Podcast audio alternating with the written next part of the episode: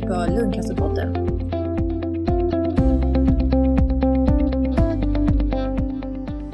Hej och välkommen till Lungcancerpodden. Förra avsnittet pratade vi om gensekvensering med Rickard Rosenqvist Brandell som är ordförande för Genomic Medicine Sweden. Och idag har vi en patient som gäst, Andreas Gyllestrand från Göteborg. Och vi ska fortsätta prata om gen gensekvensering eller gentestning, men också få höra din patienthistoria. Så välkommen hit Andreas! Ja, stort tack för det! Ja, Andreas, du kan väl börja med att berätta lite om dig själv, vem du är, vad du gör och så vidare. Mm, ja, men jag är 43 år gammal och gift eh, och har en son på 11 år. Eh, och I grunden skulle jag säga att jag klassificerar mig som entreprenör och har drivit eh, eget företag i snart 20 år eh, inom säkerhetsbranschen. Du har ju ganska nyligen fått lungcancer. Du fick din diagnos i julas om jag inte minns fel. Kan du berätta lite vad som hände och varför du sökte hjälp i vården? Ja, nej, men det började med att jag hade ont i höften och det var i september förra året i samband med att jag gjorde en, lite trädgårdsarbete.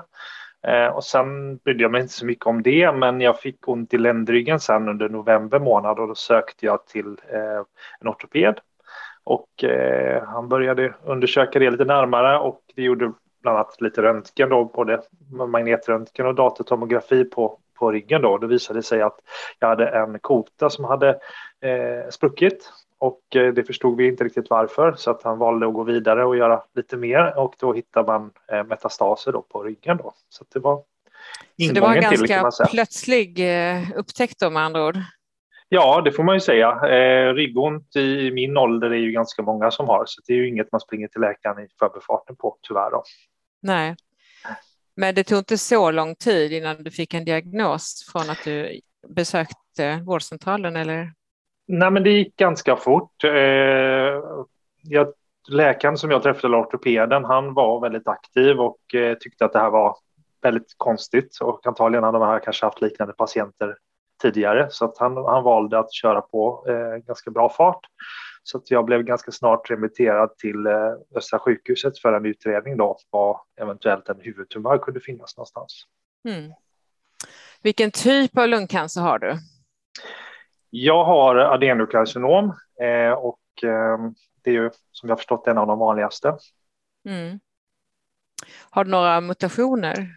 Ja, jag har två mutationer, vilket är, är lite ovanligt, men det förekommer såklart. Jag har en EGFR-mutation med en exon som heter 20 och det är ungefär 2% av de som eh, diagnostiseras med lungcancer som har den. Och sen har jag en, ytterligare en KRAS-mutation som heter G13D och den är ännu ovanligare. Så mm. kombinationen av dem är mycket, mycket ovanlig.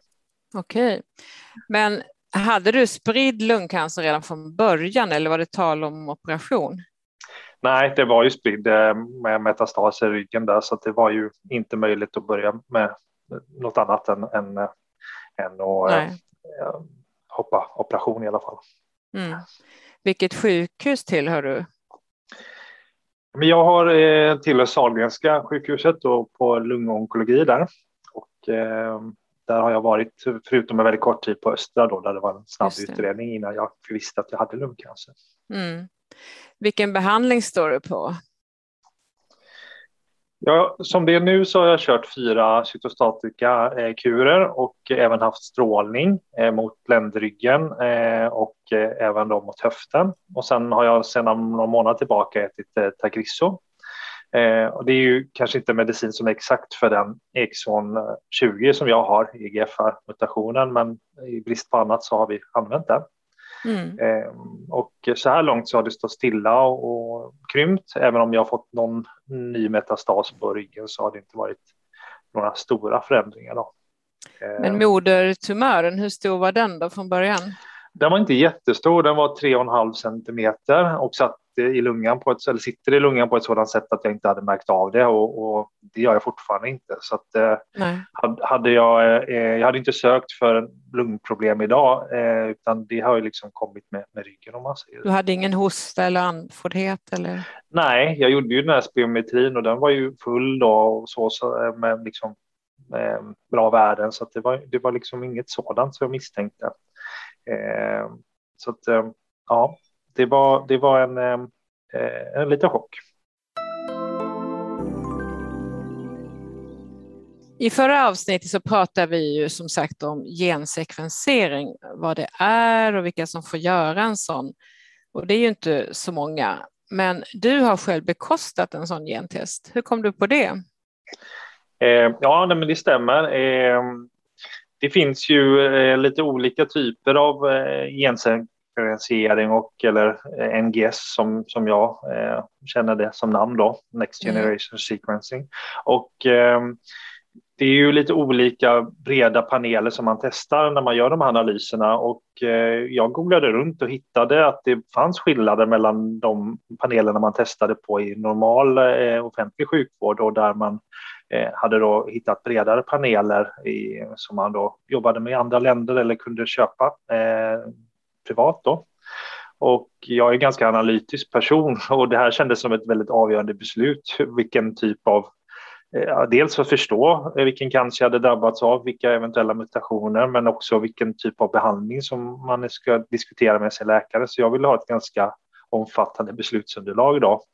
Och det ledde mig till att, att känna att, att den här vägen vill jag ändå gå utan att exakt veta då vad jag skulle få svar, för det, det, det, det vet man ju inte förrän man har gjort analysen. Men gjorde du efter de hade gjort bronkoskopi då eller?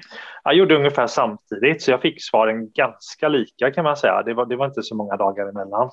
Eh, att, Vad fick du reda på som du inte fick av din onkolog eller lungläkare? Ja, nej men eh, dels så eh, fick jag ju veta lite mer om vilka typer av eh, eventuella studier som jag var eh, mottaglig att delta i. Eh, eller passade för kanske man ska säga. Jag fick också lite mer information om lite bredare saker i panelen som, jag, som inte kom fram i biopsin. Men jag tycker att de här kliniska studierna var ju intressant och även framför allt så testas ju den här eh, NGSen mot 400 000 patienter i deras databas. Den talar också om vad andra patienter eh, har behandlats med och där man liksom har sett ett gott resultat. Men också det omvända, där det finns patienter som eh, har provat olika behandlingar som inte har fungerat. Och där får man ju liksom en avrådan från dem då, istället för att lägga onödig tid på, på, på kanske sådana behandlingar. Då. Men om vi tar de här studierna, var det i eh, det var inte i Sverige eller var var de någonstans? Det var studier i hela Europa skulle jag hela säga. Det, ja, okay. precis. Så det fanns ju både sådana i Sverige och, andra länder i Europa, men det var inga utanför Europa utan det var bara europeiska studier. Okay. Så men var det, det någonting som kunde vara aktuellt eller det vet du inte?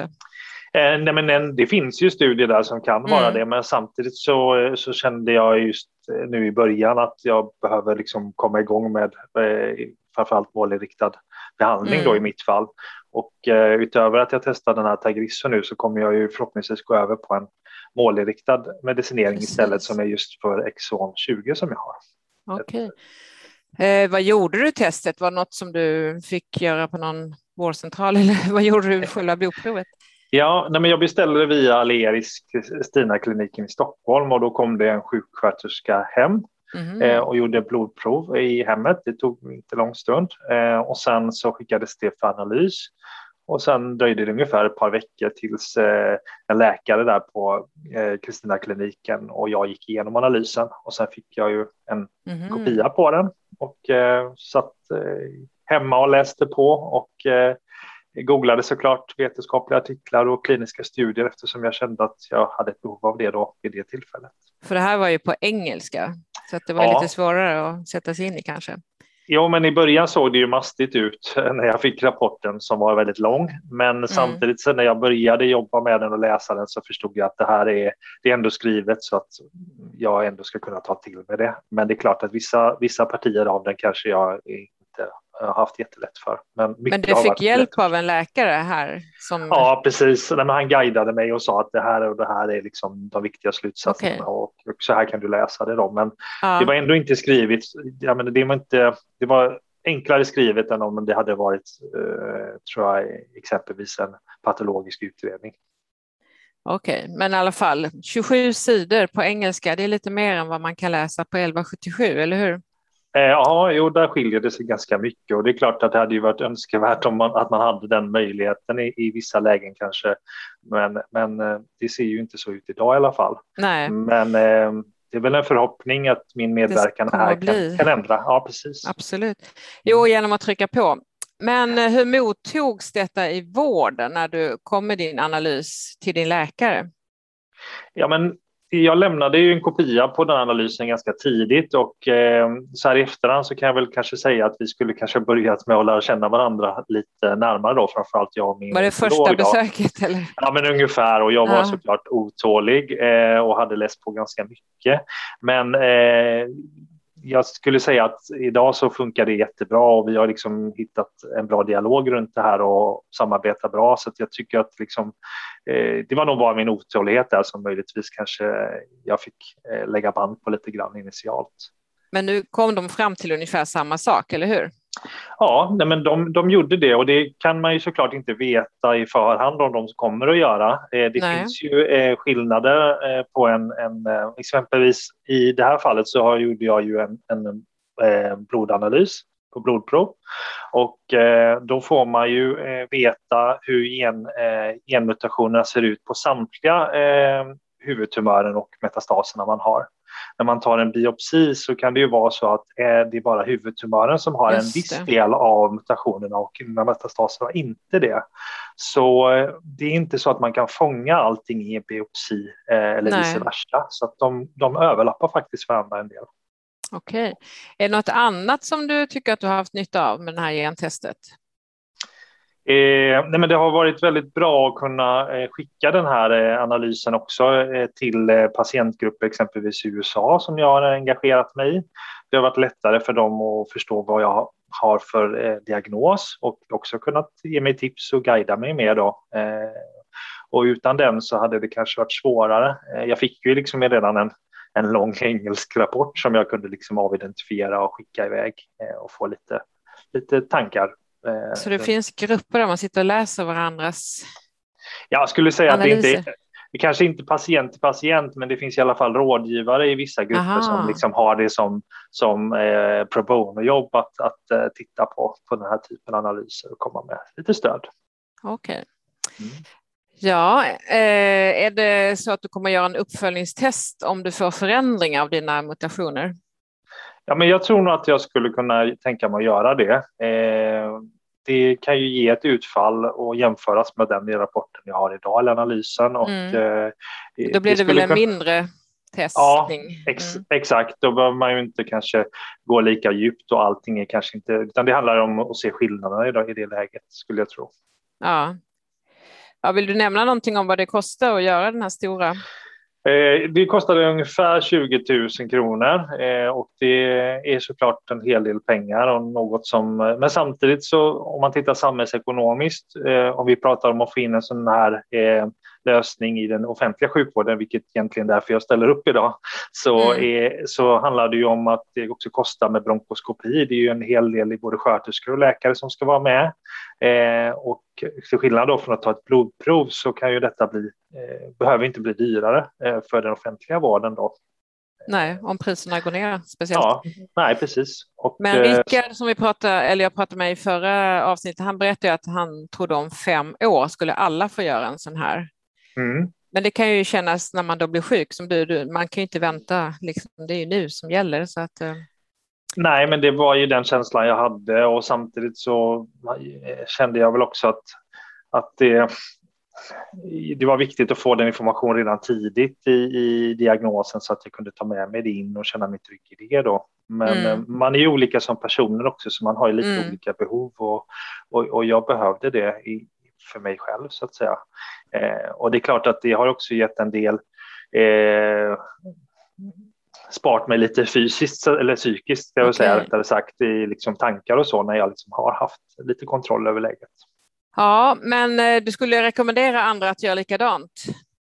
Ja, nej men det tycker jag. Alltså, det är klart att det kostar ju pengar. Jag, jag är förståelse för det. Men det är också så att eh, det finns ju vissa saker här som Eh, kan vara viktiga för vissa patienter. I vissa fall så går det inte att samla tillräckligt bra underlag vid en biopsi. Det är ungefär 20 till 30 procent av patienterna som jag har förstått det som man inte får tag i tillräckligt bra material att göra analys på. Och då är blodanalysen kanske det enda sättet då eh, mm. för att få veta om de exempelvis har mutationer som man då skulle kunna jobba med målinriktad behandling. Så att, eh, det är ganska viktigt att man ändå förstår att, att det inte alltid biopsi går att få ihop det materialet som man, som man behöver. Då. Hur kändes det när du först fick din diagnos? Du är ju relativt ung och mitt i livet. Ja, nej men det, det var blandade känslor såklart. Eh, visst kändes det orättvis initialt, eh, men jag kände väl ganska fort att det är inget som hjälper mig framåt och, och hålla på att älta för mycket över det. Så att jag liksom valde att, att försöka lägga det åt sidan.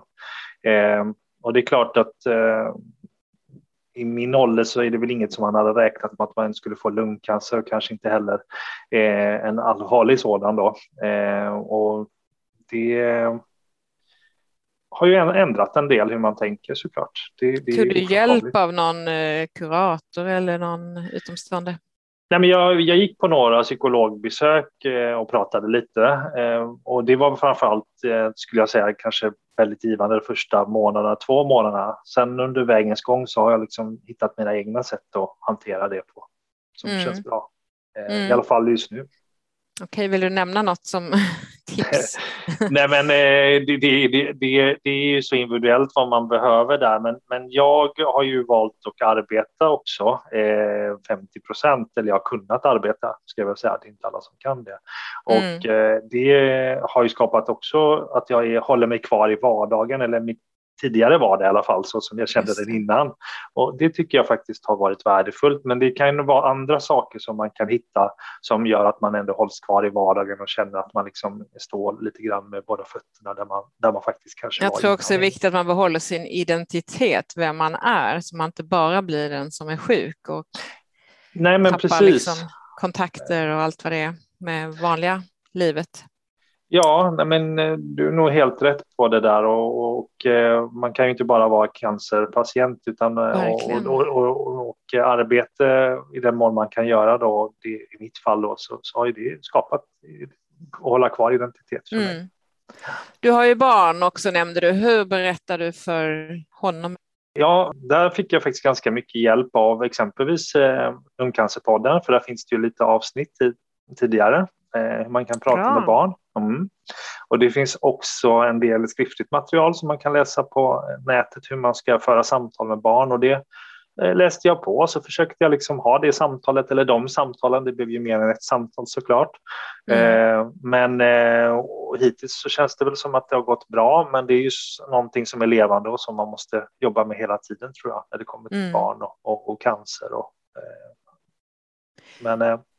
Jo, i början är ju allting bara chock och man vet ju inte om man kommer leva eller någonting, men sen får man ju lära sig hantera allting och eh, bygga upp något nytt så att säga. Men din närmaste omgivning, hur reagerade de på att du fått en dödlig sjukdom?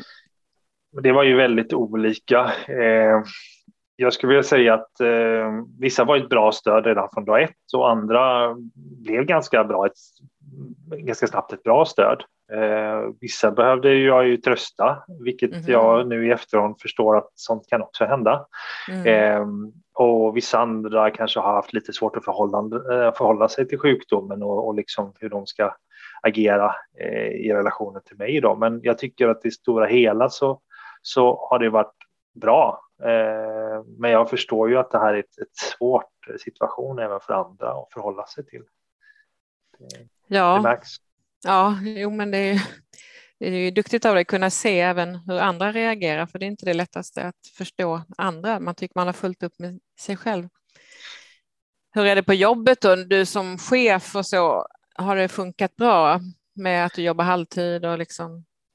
Ja, nej, men det tycker jag. Jag har ju Eh, vi har ju flera kontor, eh, men jag eh, och har ju valt att jobba hemifrån så det har blivit mycket distansmöten istället och det har ju funkat bra tycker jag och jag har varit med på nästan alla viktiga möten vi har haft på de 50 procent som jag jobbar då. Och det är klart att det har varit lite mer strategiska frågor än, än tidigare då, så lite måste jag ju prioritera för att få tiden att räcka till. Mm. Men jag tycker dialogen med, det har gett mycket att, att ha, jobba kollegorna runt sig i olika sammanhang, både liksom i, i småsnackandet men också i liksom rent professionella frågor. Så det har, det har, varit, det har peppat mig. Du sitter ju också i styrelsen för Svenskt Näringsliv. Hur känns det? Då? Orkar du med? ja, men det har jag ju gjort i olika konstellationer några år, eh, även i valberedning och liknande. Och det är jag har ju alltid tyckt att det är roligt att engagera mig i olika frågor och det här är frågan har det varit i näringslivsfrågor då. Det har ju mynnat ut att man har jobbat mycket med, med politisk påverkan eh, och eh, nu känner jag väl kanske i svenskt näringsliv att jag är redo liksom att, att släppa det uppdraget för att kanske ge mig in i andra frågor som eh, rör mer eh, vad jag står idag med sjukdom och liknande. För det finns ju eh, ett stort behov av att, att folk engagerar sig i, i lungcancer och cancer generellt. Då. Så att, eh, jag är väl lite inne på att släppa det uppdraget för att prova nya plattformar istället. Mm, det låter bra. Har du ändrat på något i ditt liv förutom det här med att du inte jobbar heltid? Och är det något annat som du har ändrat? Nej, men det, det, jag skulle inte säga att det har ändrat jättemycket. Initialt kändes ju allting som allting flög upp i, i, i små bitar då, men, men eh, det är klart att viss omprioritering måste man ju göra. Man måste ju fokusera på vad som är viktigt för mig och min familj då i många lägen mer än, än man såg en ocean av tid som man kanske slarvigt gjorde eh, stundtals. Då.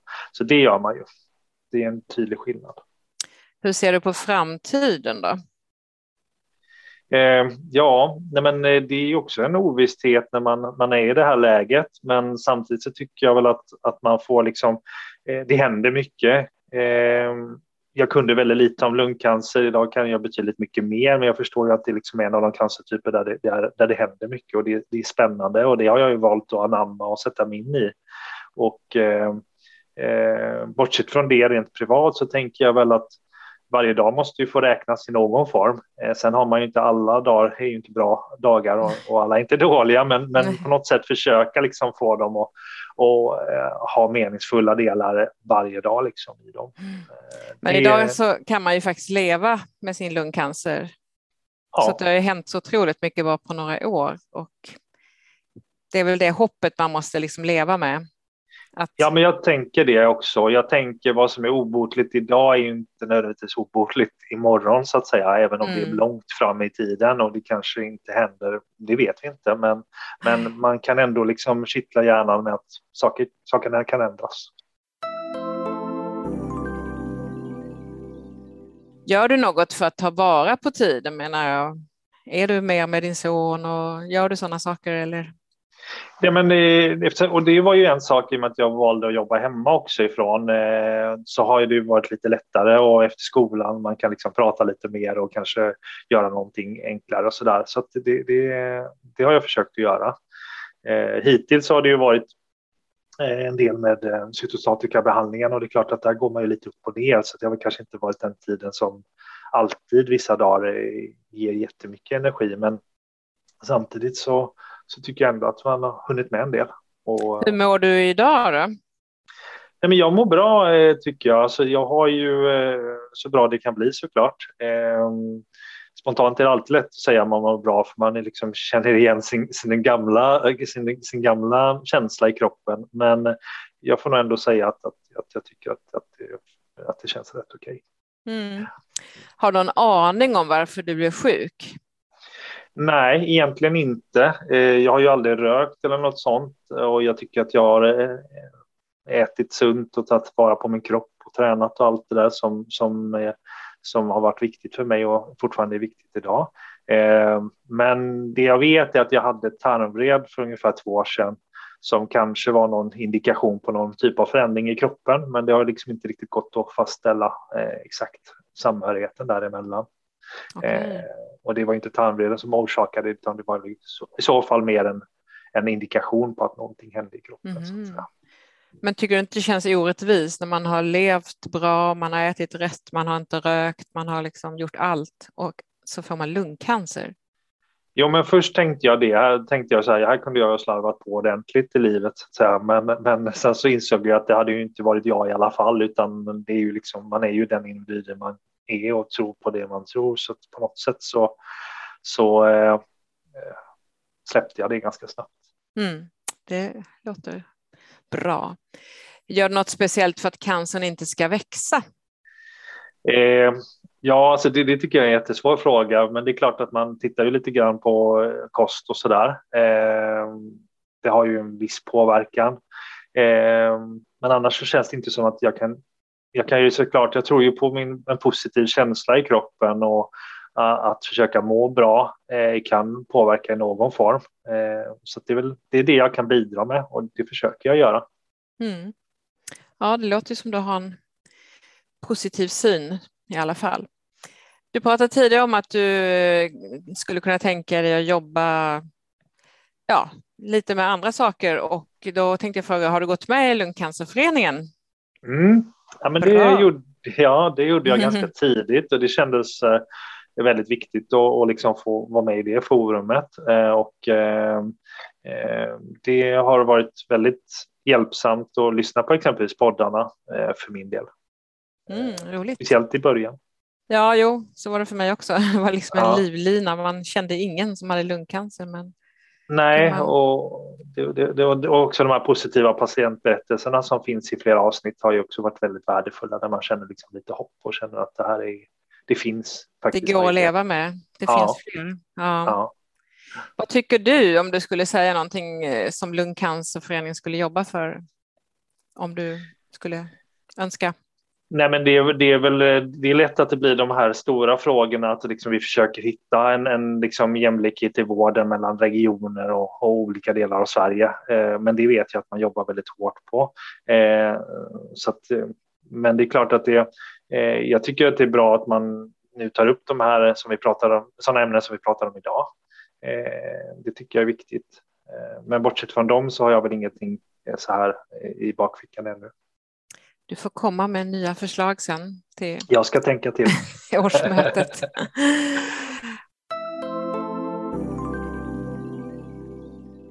Men till sist, Andreas, har du något råd att ge den som nyligen har blivit diagnostiserad med lungcancer?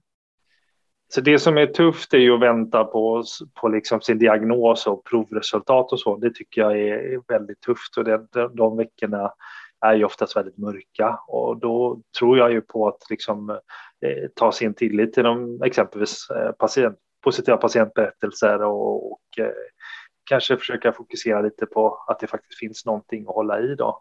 Eh, och det finns ju också Facebookgruppen med, eh, för lungcancerföreningen eh, som man kan eh, också vända sig till. Men det är väl egentligen det som jag tycker är, är den svåra perioden. Sen när man vet lite mer så kan, och börjar prata med en läkare om behandlingar så blir det ju lite annat att tänka på. Mm. Men patientforum är viktigt, att man känner att vi är många som har ja. det här och vi kan hjälpa varann ja, i mitt fall också olika åldrar då, som jag upptäckte ganska snabbt att det fanns ju personer i, liknande ålder som mig och, mm. och, liknande livssituationer och så. Det kändes också väldigt skönt att det här var inte, för det, det kan jag väl känna när jag gick eh, de första gångerna på, på undersökningar och liknande, att jag kände mig väldigt ung plötsligt. eh, och eh, det förstår jag, ju, eh, förstår jag ganska snabbt att det ser olika ut. Då. Det finns ja, i alla åldrar. Det finns från 25 och 30-åringar och uppåt. Ja tyvärr. Det, gör det verkligen. Men stort tack Andreas för att du ställt upp och delat med dig av dina erfarenheter som patient och eh, speciellt med det här med gensekvensering. Och jag önskar dig all lycka till i framtiden. Och tack också till dig som lyssnat. Glöm inte att du kan gå in och kommentera avsnittet på www.lungcancerpodden.se och även ge förslag på ämnen som vi kan ta upp här i podden framöver. Och tack Taylor för inspelning och klipp. Så hej då Andreas! Hej då, tack! Och hej allihopa och på återhörande!